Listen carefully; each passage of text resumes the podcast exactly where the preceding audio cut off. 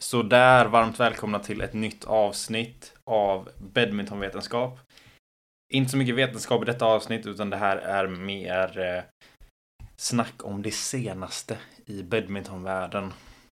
Det är egentligen en specifik händelse vi ska gå igenom idag. Vilket innebär att om ni har läst titeln så vet ni exakt vad jag kommer prata om idag. Och vi ska gå igenom eh, flera faktorer, liksom där ska vi blanda in lite mer eh, typ idrottsvetenskapliga grejer i det. Um, men um, vi kör igång. Så Antonsen har ju haft ett Anders Antonsen då, den danske spelaren. Jag vet inte varför jag var tvungen att förtydliga det. Uh, ifall det är någon som inte vet vem han är så eh, skärp er. Fokus nu. Men han har ju haft ett eh, tufft år, mycket skador. Han fick ju dra sig ur alla fem tävlingar i Asien nu i innan eh, ja, under sommaren där. Han hade eh, ett comebackförsök kan man väl säga VM som eh, som inte gick eh, jättebra. Han förlorade i två raka set mot Kenta Nishimoto som sen vann över Burestedt. Väldigt bra match. Men eh, sen spelade han eh, Japan Open också. Gick inte heller jättebra. Eh, lämnade VO i eh, Denmark Open. Eh, sen också French Open. Eh, han tror han skulle spela till Hyl. Alltså, ja, han lämnade VO alla, alla tävlingar framöver. Han drog upp samma skada igen. Så att han har haft ett väldigt Eh, dåligt år. Mycket skaderelaterat. Eh, sen tror jag, jag har för mig att han inte var i jättebra form innan det heller, men eh, eh, skadorna underlättade ju inte det. Han var ju rankad tvåa eh, under en lång period ändå för att, eh, eller ja, topp tre kan vi säga snarare. På grund av att rankingen var fryst och nu är han nere på tionde plats. Kommer att åka ner till någonstans 20-30 när eh, när rankingen eh, avfryser sig själv då i eh, januari. Så, så så är situationen för honom. Han är ju en spelare som har extremt hög kvalitet när han, eh, när han väl är i form. Han är ju sån som definitivt kan, eh, kan vinna över eh, vem som helst. Han, vi har ju sett honom, ska vi säga, det var väl förra året i eh, Super Series Finals, eller vad heter det? World Tour...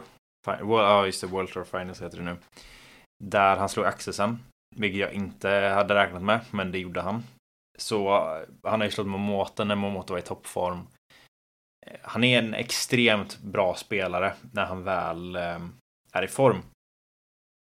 Men eh, nu som sagt har han ju haft skadeproblem. Och eh, han valde att lämna VO i alla tävlingar för att verkligen kunna komma tillbaka och inte riskera att dra upp skadan. Han sa senast att det är inte någonting allvarligt så, utan det är bara att det är fortfarande för svagt att han kan dra upp det igen. Ehm, så det, det är väl liksom hans status där. Han har ju fortfarande sina ambitioner på att vinna OS och VM. Vilket han... Ehm, det är nog rimliga mål ändå, liksom om man kollar på hans ålder och vilka som är i närheten just nu. Ehm, um, VM kan absolut vinnas för det har väl sett liksom mycket nu på sistone att det, det finns ett mycket möjlighet för skrällar i, eh, i VM. Även om jag ändå skulle säga att liksom en lång period framöver så kommer det ändå vara Axelsson som är favorit där. Men nu meddelade ju Antonsen att det är en flytt till Dubai som ska ske. Han nämnde några anledningar till varför. Och det var ju direkt spekulationer i kommentarsfältet om att han, han är där för att träna med Axelsen som också har sitt eh, träningscenter i, eh, i Dubai som NSC tror jag. Liksom det, det är typ ett företag som, eh, som hjälper till med det. Eller som samarbetar på något sätt. Eh, Mantosen har sagt att eh, det är inte så det kommer vara. Det finns ju en stor möjlighet att, att de kommer ha ett Alltså de kommer träna tillsammans några gånger sådär, men att eh, han vill bygga upp ett eget center kring sig själv. Och då kan vi komma in på det här, vad behöver man? Om man ska bygga upp ett center. Om man är spelare på Antonsens nivå med, eh, för det är inte så att hade jag haft pengar och åkt till Dubai så är det liksom inte jätterealistiskt att jag skulle kunna, bara för att jag sätter upp ett bra team, att jag skulle kunna liksom tjäna ihop de här pengarna igen. Eh, utan Antonsen är ju, och det är liksom inte många som skulle kunna göra det på det sättet. Men Antonsen är en spelare som kan göra det. Och det handlar inte bara om pengar utan det är många andra faktorer också. Men, men just så här, vad behöver man? Och han var inne på det, han behöver ju en fysioterapeut. Eh, han behöver en badmintontränare. Eh, fystränare, det, i många fall så är fysioterapeuter också fystränare. Det ser vi mycket i fotboll, att du har en, en eh, fysioterapeut som också har deras fysträningsroll. Nutritionist. Eh, man kan behöva en eh, idrottspsykolog eller liksom mind, alltså någon som jobbar med mindset, mentala, mental träning. Liksom. Det är lite beroende på vad man behöver som spelare, men det finns ju många olika delar av det rent psykologiska som man inte heller ska glömma just för att badminton är en så svår sport. Och jag vet att Antonsson har en, men jag vet inte exakt hur det blir nu när han lämnar Danmark med, med det. Och det kommer ju kosta extremt mycket pengar. Han kommer ju få liksom starta upp som ett företag där han är inkomstkällan och det är det som händer när man går independent som vi ser. Det är ju en trend liksom att eh, eh jag vet inte hur, hur Low Yu gör just för att han eh, jag vet ju att han tränar med ibland, eller rätt ofta. Han är i Danmark, men jag, jag vet inte exakt hur, hur, hans situation ser ut där, om han har liksom, tillstånd att bara åka runt och, och resa och eh, träna med andra. Men Li Xia gör ju samma. Han har gått independent. Det är väldigt många dubbelspelare som gör det.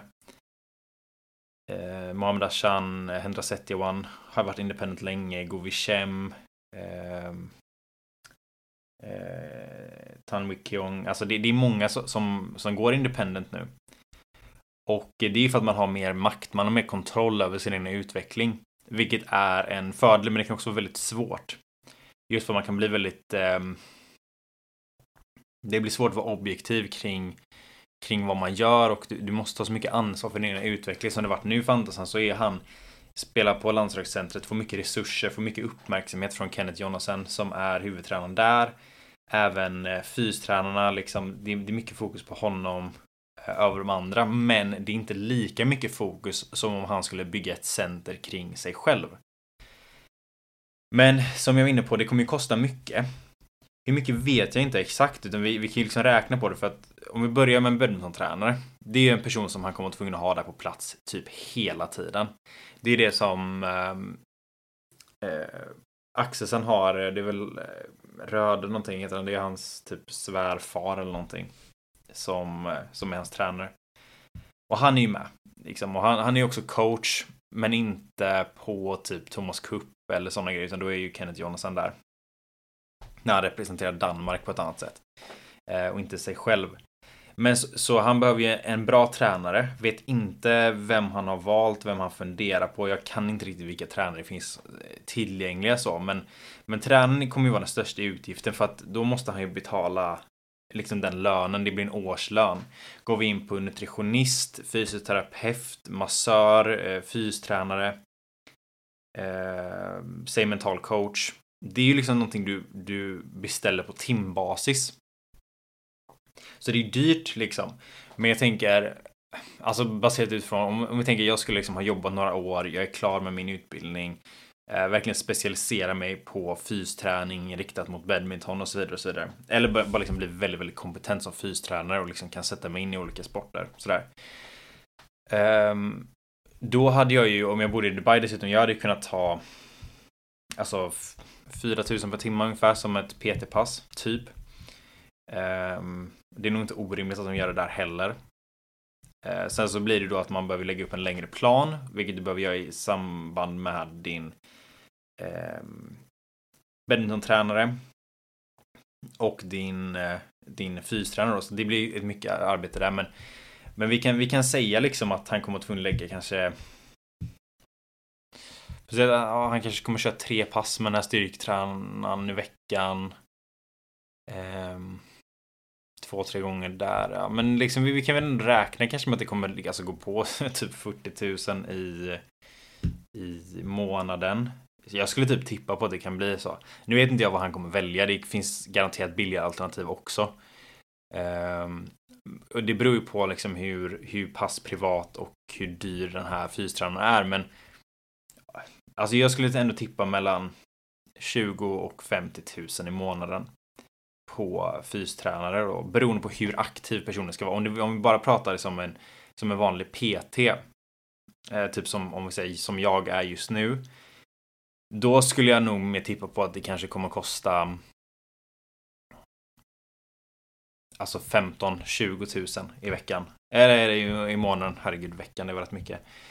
Eh, på, på en liksom väldigt kompetent fystränare som kan se till att Eh, det finns en liksom väldigt långsiktig plan. För du måste ju planera det här i, alltså när du kommer upp på den nivån som Antonsen är på så planerar man inte i tre månaders plan eller årsplaner på det sättet utan du planerar över fyra år. Vilket är OS-cykeln. Utan för du vill ju vara i toppform vid OS. Du måste vara i bra form hela året innan för att kunna samla ihop poäng för att kvala in till OS.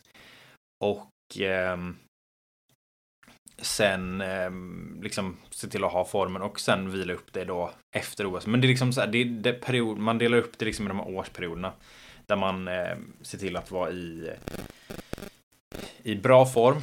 Eh, speciellt vid vissa stora tillfällen då man verkligen kan samla på sig mycket rankingpoäng som är värdefulla inför eh, OS-rankingen, eh, OS-kvalet. Och sen eh, så vill man ju liksom formtoppa inför OS och så. Det, det är liksom ungefär så det funkar.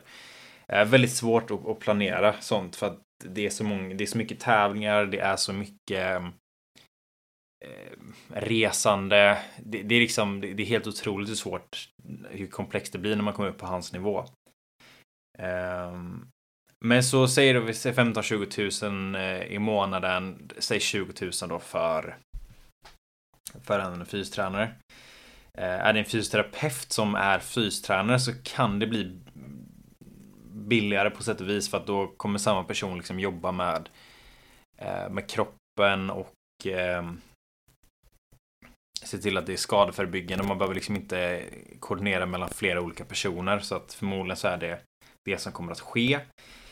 Ehm, men det är ju väldigt, alltså säg månadslönen för en, för en tränare liksom, det kan ju vara allt ifrån 100 000 till, eh, till mer. Liksom. Det är väldigt svårt att säga.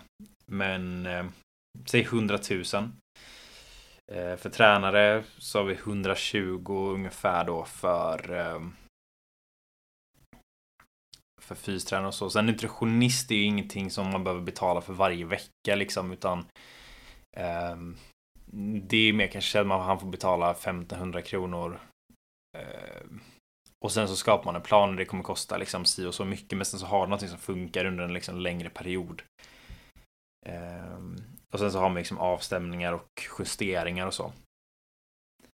Ehm, men det, det, vi kan säga så här, det kommer kosta rätt mycket för sen måste han ju kunna leva själv också. Men där kommer vi in på en av de här fördelarna med jag kan också säga att det här var, det här var verkligen en killgissning deluxe. Alltså jag har verkligen ingen aning om vad han kommer lägga på alla de här grejerna. Jag bara försöker liksom spekulera kring Eh, hur mycket det kan kosta. Eh, utifrån liksom så rimliga eh, tankebanor liksom och min förståelse för branschen om vi säger så.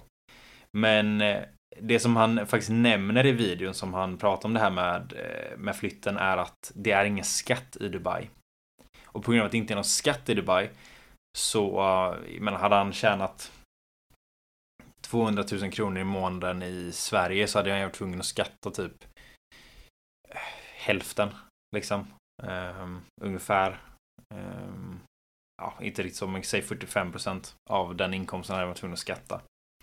Uh, I ren skatt. Och nu när han blir egenföretagare så det, det blir på ett annat sätt också. För hade han då gått independent här så måste han typ starta ett företag där du också ska skatta på vinst. Du måste skatta på liksom du ska betala typ sociala av... Det, det blir liksom, det, det, blir så dyrt att att det går inte att bedriva en sån verksamhet i, i Norden.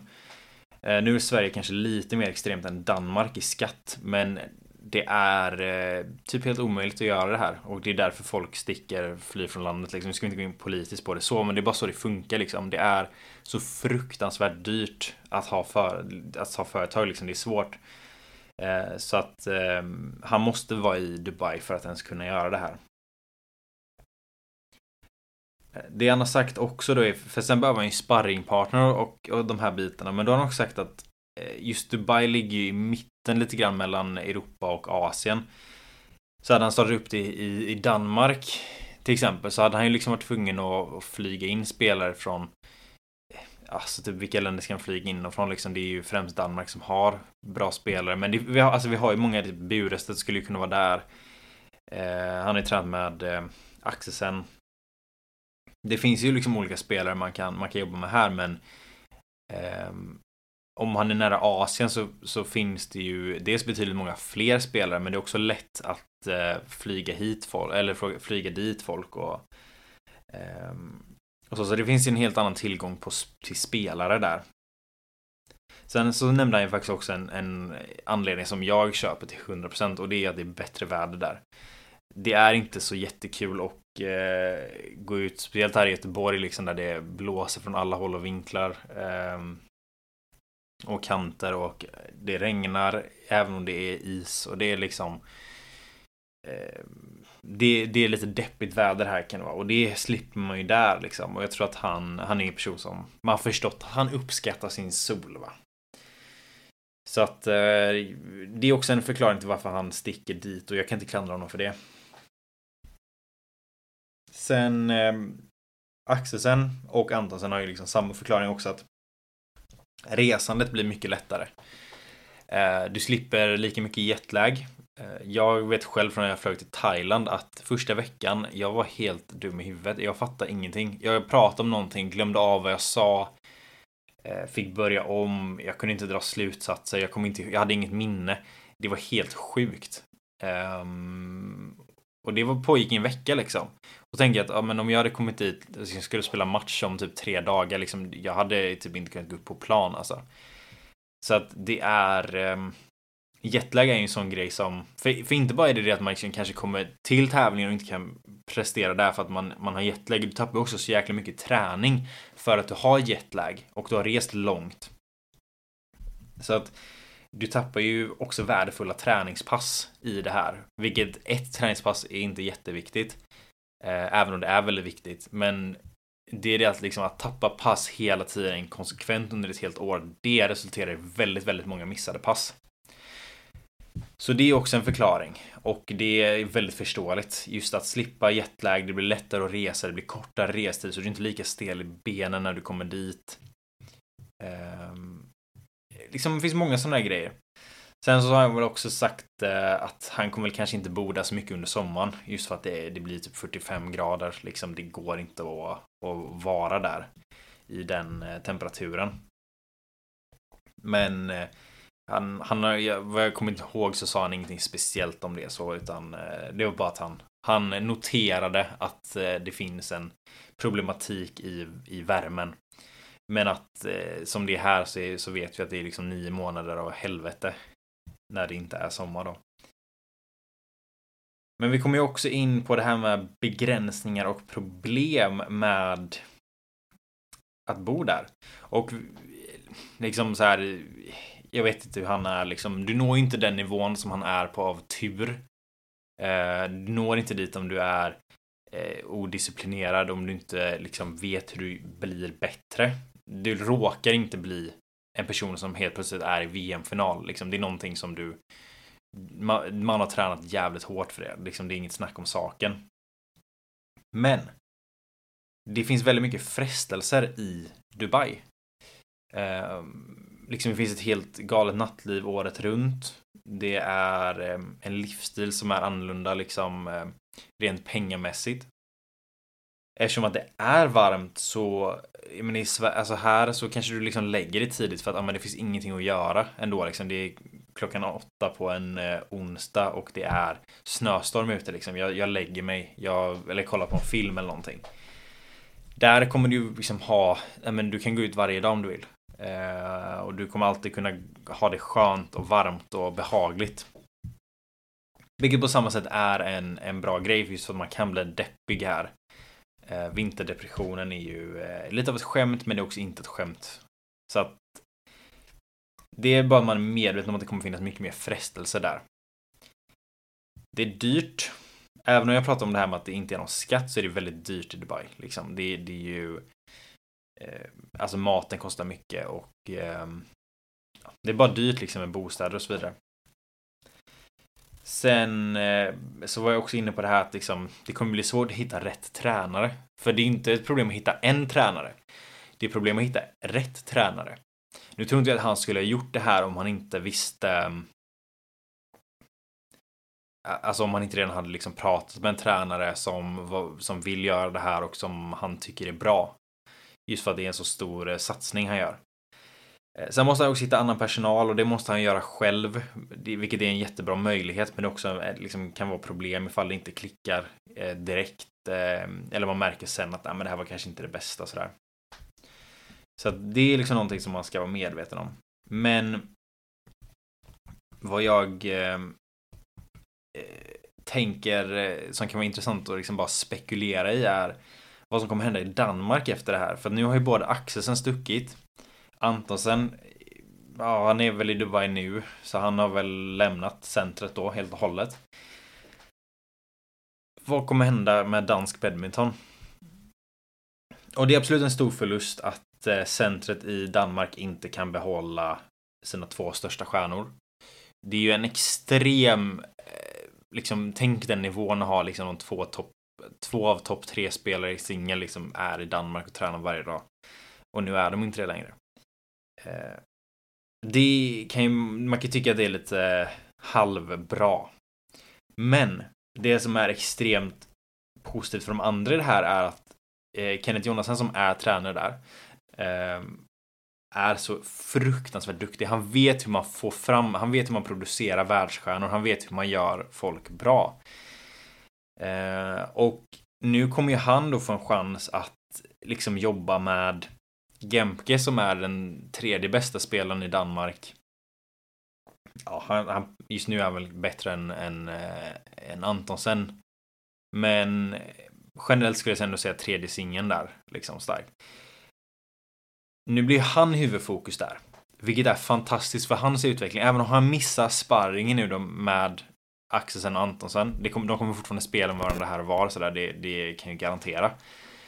Men just nu, nu kommer han få resurserna på sig.